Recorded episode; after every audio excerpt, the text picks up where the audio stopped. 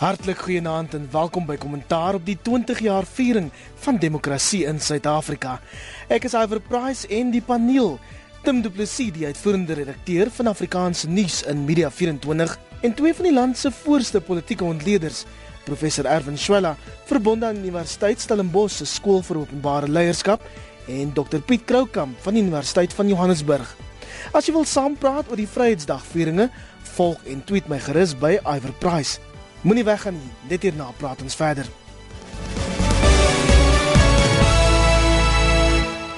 Kollegas, dis Sondag 27 April 2014 en te midde van al die feesvieringe het oud-president F.W. de Klerk die meerderheidsparty van gruwelike wanadministrasie en nogal aggressiewe rassediskriminasie beskuldig.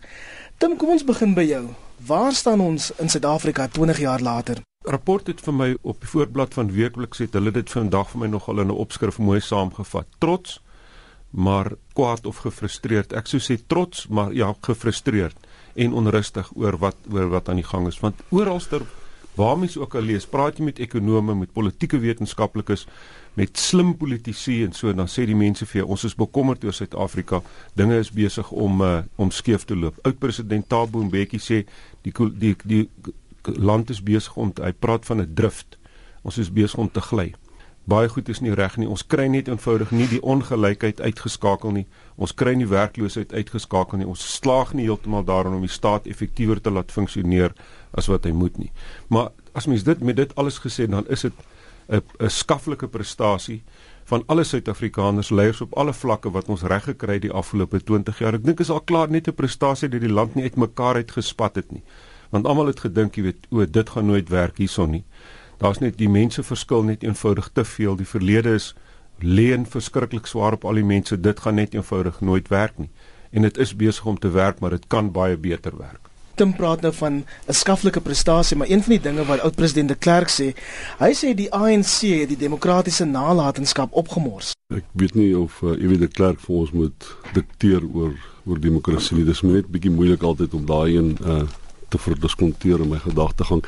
Die een ding is ons het nie uh, demokrasie opgemors nie want ons het nie demokrasie gehad nie. Ons is in 'n stelselmatige proses om demokrasie te vestig. Nou mense kan sê dat ons kon dit beter gevestig het. Ons kon waarskynlik ekonomies beter gedoen het.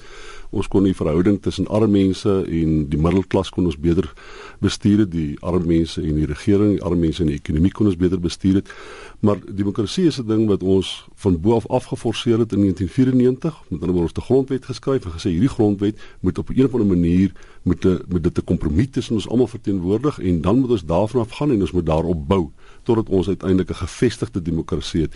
Nou mense kan seker sê dat die ANC het nie groot gewag gemaak van die werklike waardes wat veronderstel was binne in die grondwet nie. Met ander woorde, hulle het nie noodwendig uitvoering gegee aan die reëls en regulasies maar ook nie die waardes onderliggend aan hierdie grondwet nie. Nie op 'n wyse wat ons dink wat ons uh, uh die, die stelsel so bevorder het soos wat ons dink dit hy kon nie. Met ander woorde, ons is nie waar ons wou wees nie. Ons is net teen die pad af op 'n baie uh, skaflike manier of miskien 'n manier wat mense in 'n mate tog kan eer sê ons het goed gedoen. Maar Die feit bestaan is ons het met niks begin nie. Ons het nie 'n demokrasie gehad in 94 nie. Ons het nie swart Suid-Afrikaners het nie demokrasie geken nie. Ons was uitgesluit van die politieke proses. Wit Suid-Afrikaners het in 'n nanny state soos die Engelse graag sê geleef waar hulle gepamper is deur die apartheid staat. Hulle het ook nie werklik demokrasie geken nie. Hulle het nie mededingende politieke stelsels geken nie. Die groot probleem in Suid-Afrika is ons moet 'n mededingende politieke stelsel kry en mense veronderstel dat as jy 'n meer mededingende politieke stelsel het, gaan jy beter politieke gedrag kry van die politieke leiers, van die gemeenskap, van die ekonomie ensovoorts. En ek dink ons is so teen daai pad af, maar ons kon aansienlik verder gewees wat Tim ook nou sê. Maar dit gaan daaroor dat ons 'n demokrasie probeer vestig het oor die laaste 20 jaar en ons het suksese gehad en ons het natuurlik ook 'n paar mislukkings gehad. Erwin, Suid-Afrika 20 jaar later, hoe voel jy daaroor? Kyk ons het natuurlik nie in, in 1994 'n demokrasie gehad nie, maar ons het 'n baie sterk demokratiese ideaal gehad en daardie demokratiese ideaal het uh, het saamgekom met 'n stel aspirasies en visies. So dit is weliswaar sodat um, ons nou nie kan sê dat die vorige bedeling, ek wil sê voor 94 demokraties was nie, maar ons is deur 'n proses van onderhandelinge en dit was juis een van die stories van ons suksesse.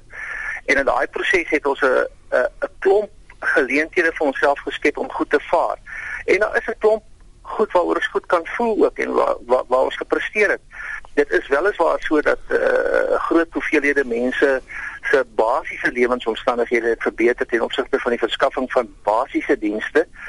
ons het uh, terselfdertyd ook uh, al 'n hele aantal demokratiese verkiesings gehad.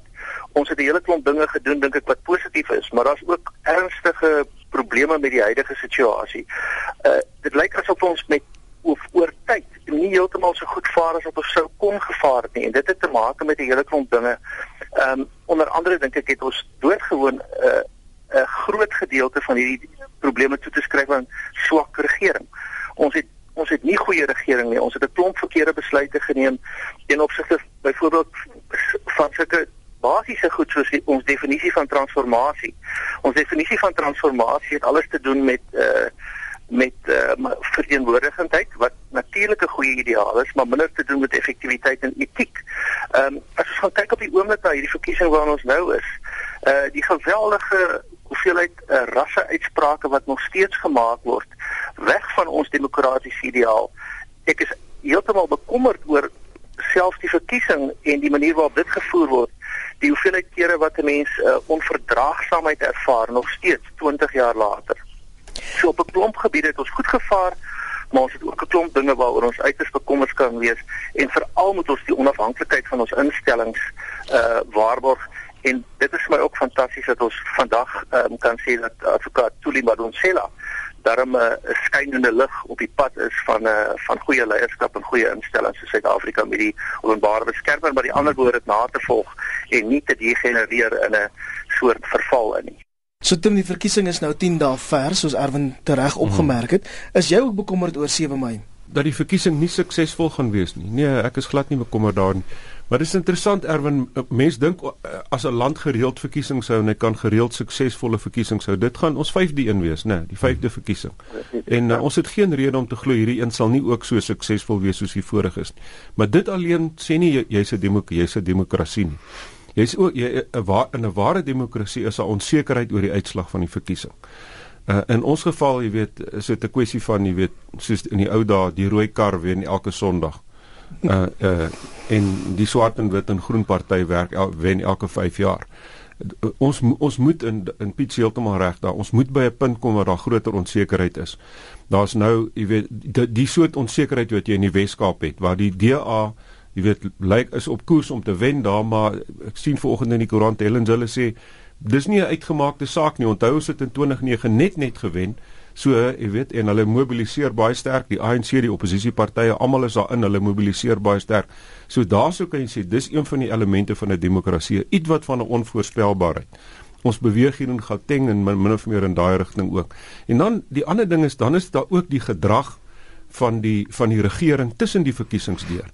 Jy weet mense kry dikwels die gevoel ons regering se standpunt is ons het met 'n oorweldigende meerderheid gewen die laaste verkiesing. Die meeste van die mense het vir ons gestem en daarom kan ons maar min of meer maak soos wat ons wil. Jy kan nie dit doen nie. Daarom is dit so belangrik dat jou instellings baie sterk moet wees. En spesifieke instellings uh rondom die toepassing van die reg en die administrasie van geregtigheid in Suid-Afrika. En daaroor daaroor is ons besig om 'n probleem te kry. Want die polisie is onder is is jy weet is wil ek wil amper sê onder belegging daar's ernstige bedenkinge oor die oor die polisie. Die nasionale vervolgingsgesag is geweldig gepolitiseer en spesifiek deur president Zuma en sy kliek gepolitiseer om hom by die tronk uit te kan kry. Hoekom is ons almal so bly oor Tuli Madonsela? Want daar's 'n instelling wat sterk staan en wat hulle nie kan regkry om te kompromiteer nie. En die vraag wat 'n mens moet vra is hoe lank gaan dit uh, gaan sy toegelaat word om te doen wat sy doen? Die groot probleem is die stelsel in Suid-Afrika. Die vraag is op watter mate word die stelsel geëer in die grondwet veronderstel is die manifestasie van daai stelsel, nee. Nou dit is so dat die, die meeste van ons klagtes is oor die mate waartoe die regering die stelsel eer en die stelsel verdedig en die stelsel aanvaar as die meesterplan vir ons almal. Nou ek probeer op 'n manier kyk uh word die stelsel op ander plekke in Suid-Afrika geëer? Is daar groepe of 'n samelewing wat die staat inderdaad aanspreek wanneer hy nie die stelsel eer nie? En dit lyk vir my asof daar tog 'n toenemende konsensus in Suid-Afrika in die samelewing minstens is dat die stelsel vir ons almal gaan belangrik wees. As jy kyk na meningsopnames, sal jy sien dat wit en swart Suid-Afrikaners het presies dieselfde probleme met die stelsel. Hulle het probleme met korrupsie, hulle het probleme met swak bestuur, hulle het probleme met werkloosheid. Hulle het 'n daar's 'n groeiende konsensus onder alle Suid-Afrikaners dat die staat moet op een of ander manier die samelewing beter bestuur, die politiek en die ekonomie beter bestuur. En die interessantheid daarvan is dat dit gaan oor swart en wit grense en daar's 'n geweldige sterk stem in die tradisionele ANC steunbasis wat sê as gevolg van swak bestuur, as gevolg van korrupsie, uh het ons nie werk nie of het ons nie bepaalde dienste soos wat ons moet hê nie. Nou die nadeel is dat dit lyk asof die regering nie die stelsel eer nie en in 'n sekere mate selfs aftakel waar dit vir hom kan waar dit vir moontlik is. Maar as jy na die ander kant kyk, dink ek tog daar's 'n groeiende konsensus en dit het ons nie verlede gehad nie. 'n Groeiende konsensus oor die waarde van die stelsel. Swart en wit Suid-Afrikaners dink as die regering die grondwet eer en tot uitvoer bring, gaan ons almal beter afwees. Erwin, kom ons kyk 'n bietjie die gesprek na die stand van oppositiepolitiek in Suid-Afrika, want 'n goeie demokrasie het tog 'n goeie oppositie nodig. Dink jy ons oppositie is regtig sterk genoeg vir 'n party om 'n party aan te vat soos die ANC wat so invloedryk is op alle vlakke? Ek dink ons moet begin met die definisie van demokrasie en dit raak eintlik aan wat beide Tim en Piet nou gesê het. Kyk, demokrasie het as een element meerderheidsregering en uh, ons het wat dit betref behalwe in die Weskaap dan nou baie sterk meerderheid in die vorm uh, van die ANC wat uh, die regering vorm in al die ander provinsies en op die nasionale vlak. Maar behalwe dit is die ander definisie van demokrasie het natuurlik te maak met die hele idee van wat 'n mens kan noem prosedurele of prosesmatige demokrasie. En dit is waar al die ander instellings besprake kom aspekte van ehm um, die moontlikheid om deur die media jou protes aan te teken, uh, protesgedrag, forme van uh kruiskontroles uh, deur middel van die skeiding van staatsgesag waar verskillende uh staatsgesagsinstellings oor mekaar kontrole uitoefen en daar dink ek is dit reg mense kan tereg bekommerd wees oor die hele justisie uh, groepering uh, vanaf die howe deur die polisie um, tot by die nasionale vervolgingsgesag wat op een of ander manier skynbaar sinies gemanipuleer word.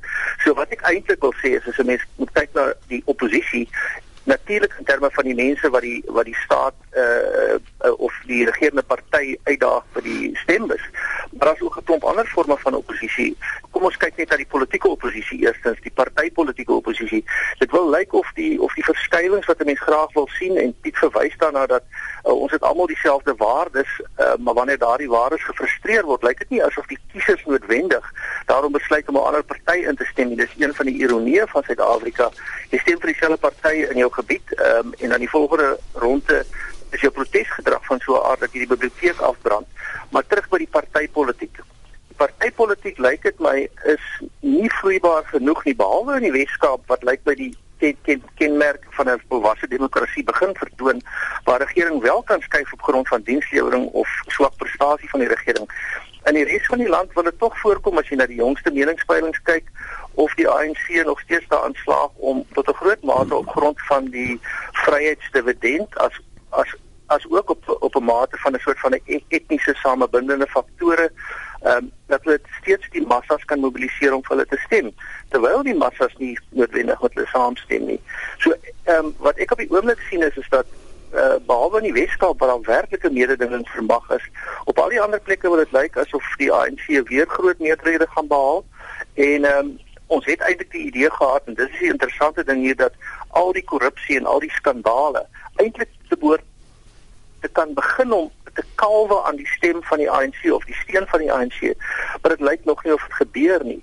Ehm um, nou moet ons maar kyk of daar in die volgende ronde dit uh, dit gaan manifesteer. Ons sien nog nie groot stemgedragverskywings soos 'n mens sou kon verwag in 'n volwasse demokrasie nie. Ja, ek ben ek ben reg. As jy wil kyk na die uh, waarskynlike daar veranderinge in Suid-Afrika gaan kom, moet jy waarskynlik nie kyk na oppositiepolitiek in Suid-Afrika nie, want ek dink daai konfigurasie het redelik bestendig gebly soos wat uh, Owen aangedui het. Maar ek dink jy moet jy moet ook onthou in 1994 nee, het, ek dink 54% van alle mense wat kon stem in Suid-Afrika het uh, ANC gestem en met die laaste verkiesing net 39% dit verteenwoordig 'n tipe van 'n vervreemding van die bevrydingskoers gedagte vir my.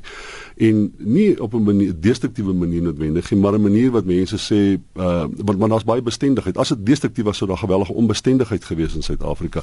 Maar dit is 'n manier wat mense sê maar ons is stelselmatig besig om geëmansipeer te word. Met ander woorde, ons hoef nie noodwendig ANC te gaan stem nie. Ons hoef nie noodwendig te gaan stem nie. ons hoef nie noodwendig vir die bevrydingskoers te gaan stem nie. Nou dit ons sien dit nog nie in wanneer wanneer wanneer wel 'n uh, uh, verkiesing plaasgevind in stemgetalle nie, maar ons sien dit in ander plekke hoe die burgerlike samelewing die staat aanvat en die regering aanvat en baie baie duidelik maak dat hy nie noodwendig konsensus het met die bestuurswyse van die staat en met die bestuurswyse van die ANC nie. So daar is 'n stelselmatige bevryding dink ek van Suid-Afrikaners en 'n emansipasie na demokrasie toe. Mens moet nie net uh, uh gefikseer wees op die uitslag van die verkiesing en jy moet ook onthou omtrent in elke verkiesing sedert 1994 het die ANC eintlik relatief swakker gedoen. As dit nie was vir die IFP se uh, uh, se verval in KwaZulu-Natal was die ANC aansienlik swakker afgewees as wat hy nou is. Iwer Piet heeltemal reg mens as mens as jy praat van oppositiepartye as jy sê kom ons kyk na die oppositie in Suid-Afrika dan is mense te geneig om te sê maar is daar 'n oppositieparty wat 'n beleid het en die vermoë en die kapasiteit om te kan oorneem maar die dinamiek van oppositiepartye lê dikwels in die regerende party en 'n oppositiepartye neem oor in gevestigde demokratieë en op ander plekke ook en so wanneer die regerende party die mag verloor. Dis nie dieselfde ding nie. Dis nie dieselfde ding om die mag te wen. Dis kan dis dis twee kante van dieselfde munt, maar dit gaan oor 'n regering wat stelselmatig steun verloor. Ek het was vir my baie interessant die 2008 uh, veldtog in in die Amerikaanse presidentsverkiesing Obama teen Bush. Obama het net hy het hy het nie daar 'n spesifieke alternatiewe beleid gaan voorstel nie. Hy het net gaan sê stem vir my want ek is nie George Bush nie. En hy het net George Bush en alles wat hy gedoen het genadeloos aangeval en so het sy party gevorder en hy het met wat ons is die verandering wat uh, jy is die verandering wat ons voorgewerk het en yes we can. Yes we can en daai soort van goed gehad. Dis hoe oppositie dinamiek werk. En ek dink die oppositiepartye moet hulle moes in hierdie verkiesing begin het en in die volgende verkiesing Hulle belangrikste doelwit moet wees om die ANC se steun te beperk. Die kiesers verwag nie eintlik van hulle om nou 'n alternatief neer te sit nie. Die kiesers wil net sien maar hier's iemand wat opstaan en wat werklik waar oppositie is. En is my advies aan die DA en ek dink Malema doen dit min of meer reg. Malema wat hy aanbied vir 'n vir 'n alternatief, die vryheids vryheids wat hulle naam vryheidsvegters. Vryheids, ekonomiese ja, vryheidsvegters ja. Uh wat hy aan daar's nie vreeslik baie nie. Dis 'n klompie, dis 'n klompie slagspreuke. Maar hy val die ANC aan genadeloos president Zuma die hele lot. Dis hoe mense vorder in oppositiepolitiek. Stem jy saam, Erwin? Die hele veldtog is vir my interessant wat dit betref. Ehm um, uh, as jy mens gaan kyk na die manier waarop byvoorbeeld die die DA hulle posisioneer, dan blyk dit dat hulle baie sterk klem lê op die korrupsie en, en kandla en in die teenoorgestelde kant dan wanneer hulle hulle positiewe punte stel. Ek het my verwys hulle na na goeie regering. Nou daar's soveel goed, daar's in Kanada, daar's Marikana en daar's goeie regering. Dit wil egter voorkom asof daai boodskap nie heeltemal resoneer met die emosionele stand van die kieserskort nie. Dis 'n geweldige veralgemening om te maak want 'n mens kan dit mos nou nie sê in in in 'n besondere geval nie. Ehm um, dit wil vir my voorkom asof selfs eh uh, uh, premier Zille sê dat die ambisie wat die DA gehad het om om substantief te vorder en dit was aanvanklik so gaan nie realiseer nie sy het in elk geval haar ondersteuners begin waarsku om nie 'n 30% stem uh, uh, persentasie te verwag vir die DA nie. So die, die veldtog lyk dit my ehm um, het nie heeltemal geslaag nie. Dit wil tog ook voorkom asof die dit wil sê van die oppositiepartye met die uitsondering van uh, meneer Malema wat daar inslaag om op 'n hoogs emosionele manier ehm um, al die swakpunte van die regering as dit ware aan die kaart te stel. Die DA kry dit nie heeltemal reg nie. So die die veldtogte uh, het nie na my mening vir die oppositiepartye goed gewerk nie. Die ANC se veldtog lyk dit my werk tog goed. Uh, hulle deesdae baie sterk teenwoordigheid op sosiale media, hulle massa byeenkomste is daar. En uh, ek het die idee dat uh, dat wat dit betref is ons vir 'n situasie waar die ANC weer dit reg kry om ondanks al die probleme ehm um, hulle boodskap oor te kry en miskien is dit reg, miskien moet die boodskap eenvoudiger wees. Miskien moet 'n mens uh, die as dit ware op die op die propaganda wyse nou ek is nie teen gunste van propaganda nie, maar die herhaling van 'n van 'n van 'n bepaalde stel beelde probeer om om om uit te kalwe aan die ANC se steun. 'n opsomming weer of ter opsomming weer. Ek dink die die die die die kampanjes van die EFF is redelik suksesvol. Die ANC se kampanje dink ek kan net tevrede wees. Ek weet nie of die DA se kampanje heeltemal werk nie. Ehm um, maar miskien kan my kollegas ook hulle hulle uh, menings daaroor gee.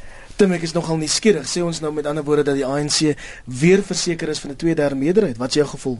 Wel, daar was verlede Sondag 'n peiling in die Sunday Times gewees. Hy's so 'n bietjie een wat uitstaan wat gesê het hulle nie 'n tweederde nie, maar kort diskant hulle gaan 'n trend 1 persentasie punt daal. Dis wat 'n meningspeiling sê. Uh daar's ander meelingspeilings wat sê hulle gaan nader aan 60% wees as aan 65%. Ek dink nie 2/3 meerderheid is op die kaart nie. Ek wil net nog 'n vinnige ding sê oor hierdie ding wat ons vroeër oor gepraat het. En dit sluit aan by wat Piet gesê het. Hierdie is 'n is 'n proses, jy weet, dis goed wat oor jare heen loop. In die platte land dink ek gaan die gaan die is die vind die ANC se boodskap baie sterk inslag en daar kan hy eenvoudig gaan uh, veldtog voer. Hy kan sê, "So ek sien julle is lus 'n bietjie vir Malema of vir die DA te stem. Nou stem vir hulle en as julle sien, dan val die kindertoelaas en al die ander toelaas weg." En dis en dis 'n baie simplistiese manier, maar dit werk. En dis en dis hoekom ek sê, maar mense is verander. Hulle kom agter, hulle soos Piet sê, hulle emansipeer. Hulle kom agter en mense versteurlik hier in die stede lees hulle koerante, hulle hoor baie radio en hulle kyk TV en so. Nou is dit nie meer so maklik om hulle stemme te kry met so 'n simplistiese boodskap so daai nie. So dit gaan tyd ja, vat. Wie eiwer die die die die die die EFF nee, ek bedoel dis dit was die oorsprong die die wortels van die party is eintlik maar korrupsie en tenderpreneurskap. So dis hoekom ek dink hulle gaan hier 2, ek sê hulle gaan 2,8% van die steun kry. Hulle gaan dis dis relatief onbeduidend dink ek nog steeds wat hulle steun is. Ek dink mense oorskat dit, maar Die belangrikste van die EFF vir my is nê is dat dit wat hulle sê kan tot voordeel van ander oppositiepartye wees. Dit kan selfs tot voordeel 'n bietjie van die DA wees want as as as as die EFF of as Julius Malema sê die president is korrup die die die die die bron van kritiek is so belangrik as die kritiek dan sal swart Suid-Afrikaners in groot mate 'n mate van ag daarop slaan. Die DA wat hoofsaaklik met 'n wit liberale geskiedenis geassosieer word, as hulle sê die ANC is of die president is korrup, kan dit gesien word as 'n vorm van rasisme of as 'n vorm van neidigheid teen swart Suid-Afrikaners. So die bron van kritiek is geweldig belangrik. Dit is hoekom uh die kamp in die vorige verkiesing so belangrik was en dit is hoekom die EFF so krities van belang is. En uh in die verlede uh, uh kon jy mens sê maar jy het 'n vorm van rasionele kritiek wat jy moet uitspreek. Die DA is gebonde aan 'n rasionele kritiek. Hulle moet sê die die regering bestuur die land swak. Julius Malema kom by verhoog gaan en hy sê uh en Kandla is is is is 'n huis van korrupsie en die president is onnosel en hy's 'n hy hy hy het te veel vroue en sy seksuele gedrag is barbaars. Hy kan al daai goed sê wat die DA nie kan sê nie. Maar kom ek sê vir jou, ek dink amper dit het 'n groter effek op eintlik uiteindelik op mense se politieke opinies oor die ANC as wat dit by die DA sê. En daarom is hy so 'n geweldige belangrike destruktiewe stem, want dit kan selfs tot voordeel wees van ander oppositiepartye. Die breë tendens in die samelewing waarna Tim verwys is natuurlik hoe meer verstedeliking daar is, uh, hoe beter mense vaar in opsigte van die hantering van die kernkwessies in die samelewing, naamlik ongelykheid en armoede uh hoe groter raak die kans dat die politiek moderniseer en dat stemgedrag verander. So mense is dan nie meer so gebonde aan hulle tradisionele uh gevestigde politieke plekke as dit ware nie. En ons weet die groot steen is in die arm plattelandse gebiede vir, vir die ANC en daar kalwe uh meneer Malema se se boodskap wel weg. Ek weet nie van sy steen nie Piet, ek dink hy gaan dalk 'n bietjie beter doen as wat jy voorspel, maar dit sal ons maar sien. Ehm um, maar die punt is is dit is so dit is 'n geloofwaardige punt van kritiek. Wat my ook nogal interesseer is is, is wat word van die koopsteen as ons net gaan kyk na die syfers van koop in die vorige verkiesing het aansienlike steen gehad. Ek praat van 'n korreksie maar by die 8-9%. Dit wil voorkom of of baie van daai steen terugskuif na die ANC toe. Ehm um, en dit mag eh, 'n uh, beduidende invloed hê saam met die die feit dat uh, dat die dat die steen in KwaZulu-Natal en opsigte van die EFF natuurlik geskuif het uh, uh, baie sterk na die ANC toe as gevolg van die die Zulu leierskap nou uh, in die ANC. So dit is vloeibaar, maar dit wil nog voorkom of alles saam ons nog nie op 'n punt plaas waar daar ja 'n beduidende afname in die ANC se steun is nie. Ek weet op 'n stadium met van die analiste gesê ons gaan onder 60% kom.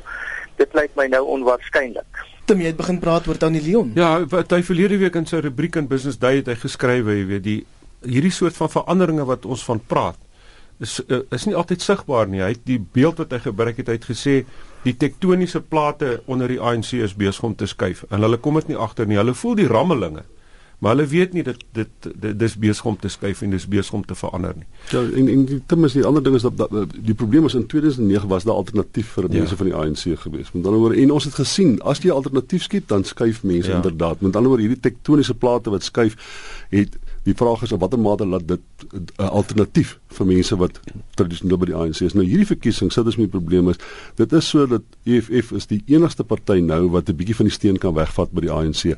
Maar hulle is nie goed georganiseer genoeg. Hulle het nie 'n duidelike narratief, 'n duidelike boodskap wat sal maak dat mense op groot skaal na hulle kant beweeg nie. Hulle is nie 'n wesentlik wesentlike alternatief nie. En die groot probleem hierdie verkiesing is hoekom gaan die ANC rondom 62% van die steun kry omdat daar nie 'n koop is nie, omdat daar nie 'n wesentlike alternatief is wat spreek tot die bevrydingstradisie nie. En uh, as daar nou as as koop nog sterk gestaan het, was die ANC duidelik hierdie verkiesing hier by 58, 57 en selfs 56, want dan was daar 'n wesentlike wesentlike alternatief vir mense om voor te gaan stem. En die steun van die ANC nou is op gebaseer op die feit daar is nie nou 'n politieke party soos koop om uh, werklik die stemme van ontevredenheid binne die ANC te trek nie.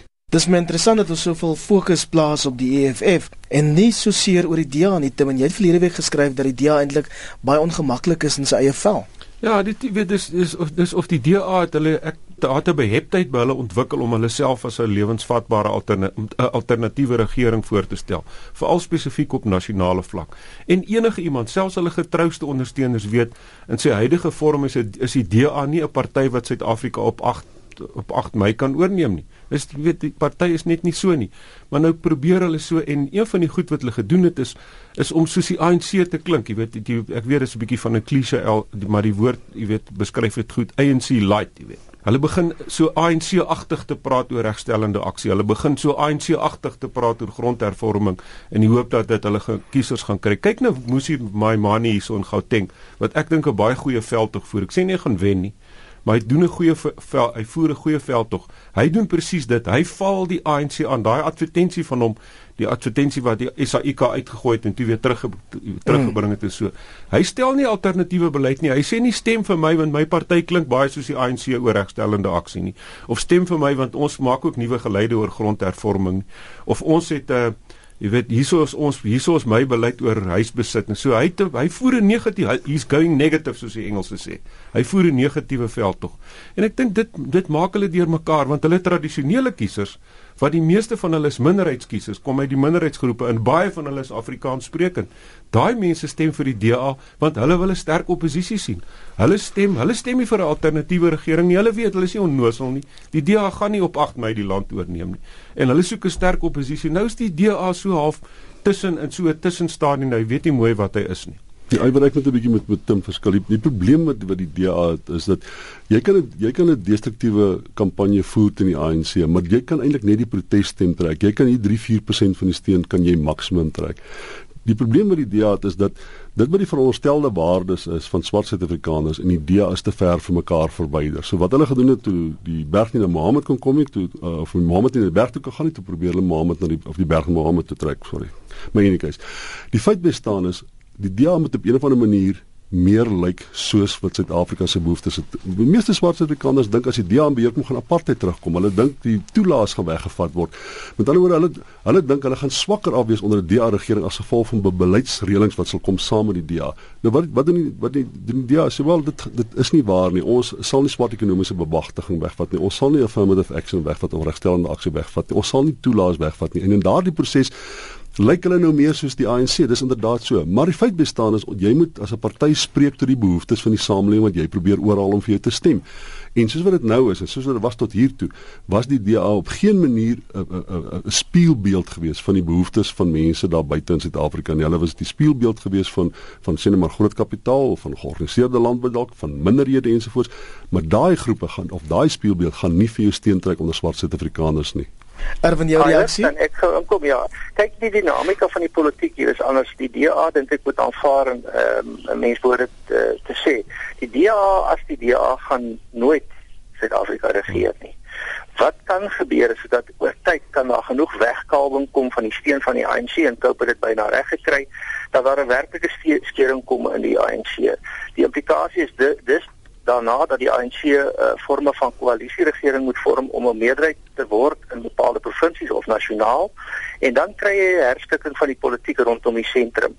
Nou dan is dit afhanklik van waar is die DA dan. Die DA se berekening wat hulle moet maak en uh, daar moet 'n mens gaan kyk na die analise van beide Tim en en Piet is om te kyk of hulle meer steun gaan afgee deur wat hulle nou doen as wat hulle gaan kry.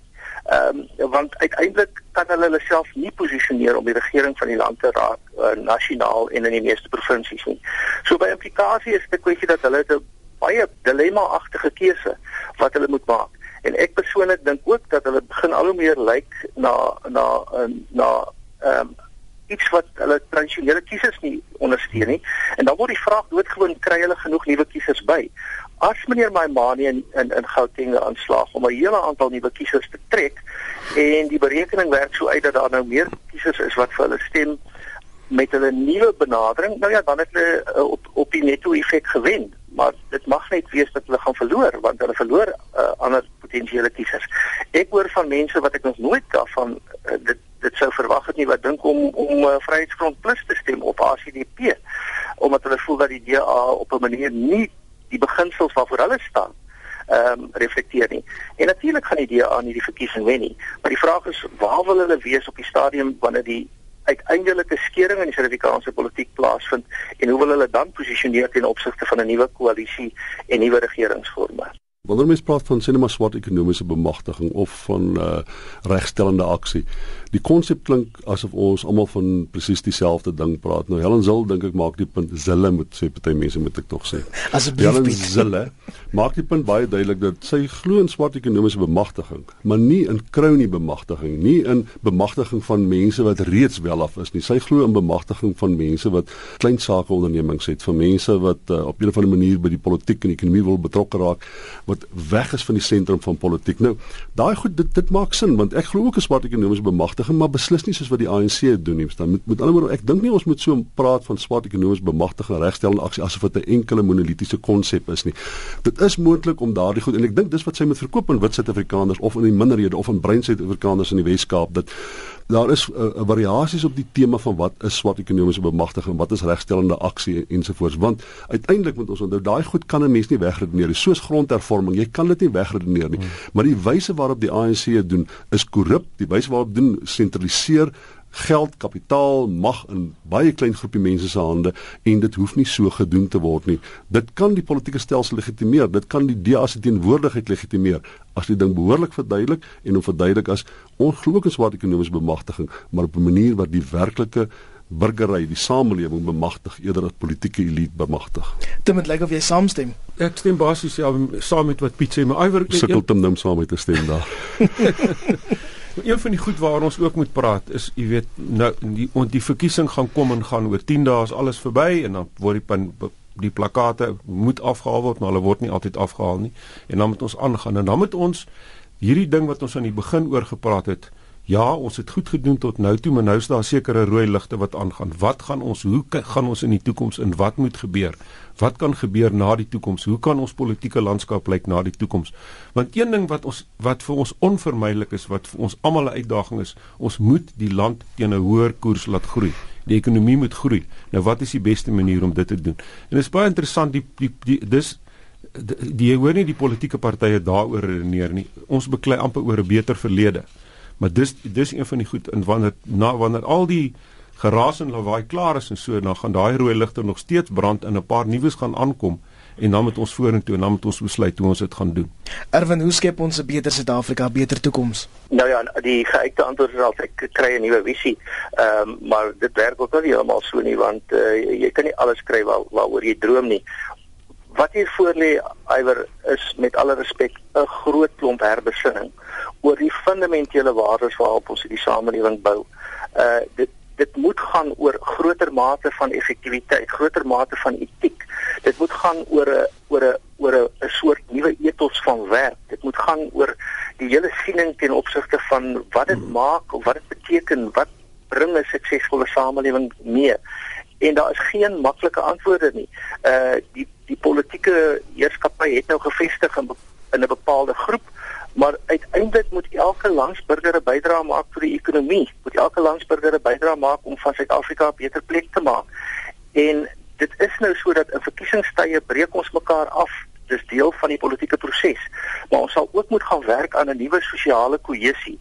Een van die dinge wat my bekommer is, is dat uh hierdie verkiesingsveld tog veel te veel te maak met die afspeel van een rassegroep teenoor 'n ander. As jy net gaan kyk na die politieke uitsprake van verskillende politieke leiers, maar in die geval moet mense dit maar reguit sê, die ANC en die EFF uh, wat voortdurend uh, die rassetamboer slaan. As ons nie hierdie sosiale kohesie ding beter regkry nie, dink ek uh, het ons nog steeds probleme, maar ek wil positief wees. En ek wil sê dat ons kan met met beter leierskap, ons kan met beter instellings en met die beter gebruik van ons uitstekende instellings kan ons eintlik uitstekend vaar. Die grondwet is reg, die, die basiese voorwaardes is in plek. Dis 'n kwessie van hoe doen ons dit met toewyding en met die nodige uh behoorlike etiese en effektiewe ingesteldheid. Piet? Ja, ek ek dink ons moet prakties begin. Ons moet van Jacob Zuma ontslaa raak, ons moet van Johan Petersen ontslaa raak, ons moet van die minister van openbare werke ontslaa raak. Ons het 'n klompie ministers waarvan ons moet ontslaa raak, want die eenvoudige rede is hulle vermoed jy kan die ekonomie bestuur deur dit vanuit die staat uit te bestuur. Ja. en ons weet ons kan dit nie doen nie. Maar daar is 'n tipe van 'n filosofiese onderbou wat vir my baie meer onder onder uh, Jacob Zuma pos gevat is wat dit uh, onder Thabo Mbeki teenwoordig was. En dit is dat die staat kan die ekonomiese drywer wees. Die staat kan die ekonomie bestuur. Ek kan nou vir jou sê die rede hoekom ons in Suid-Afrika groei teen 5% per jaar. Ons groei laas jaar teen 1,9% die hele wêreld vra die vraag wat is dit in Suid-Afrika dat daar nie ekonomiese groei is daar nie werkskepping is nie? En die vraag is eenvoudig die antwoord is baie eenvoudig. Die staat is te betrokke by die ekonomie en op 'n baie destruktiewe filosofies ideologiese manier. Nou ons moet binne die ANC daai boodskap plat pos vat. Dit kan nie so aangaan. Ek dink daar's 'n klompie sterk stemme by die ANC wat ook in daai wat wat wat glo aan dit wat ons nou hier sê, maar ek dink ongelukkig die momentum is nou in die verkeerde rigting en daar is geen alternatief nie. Ons sal moet ontslaa raak van Jacob Zuma. Dit my laaste woord behoort aan jou.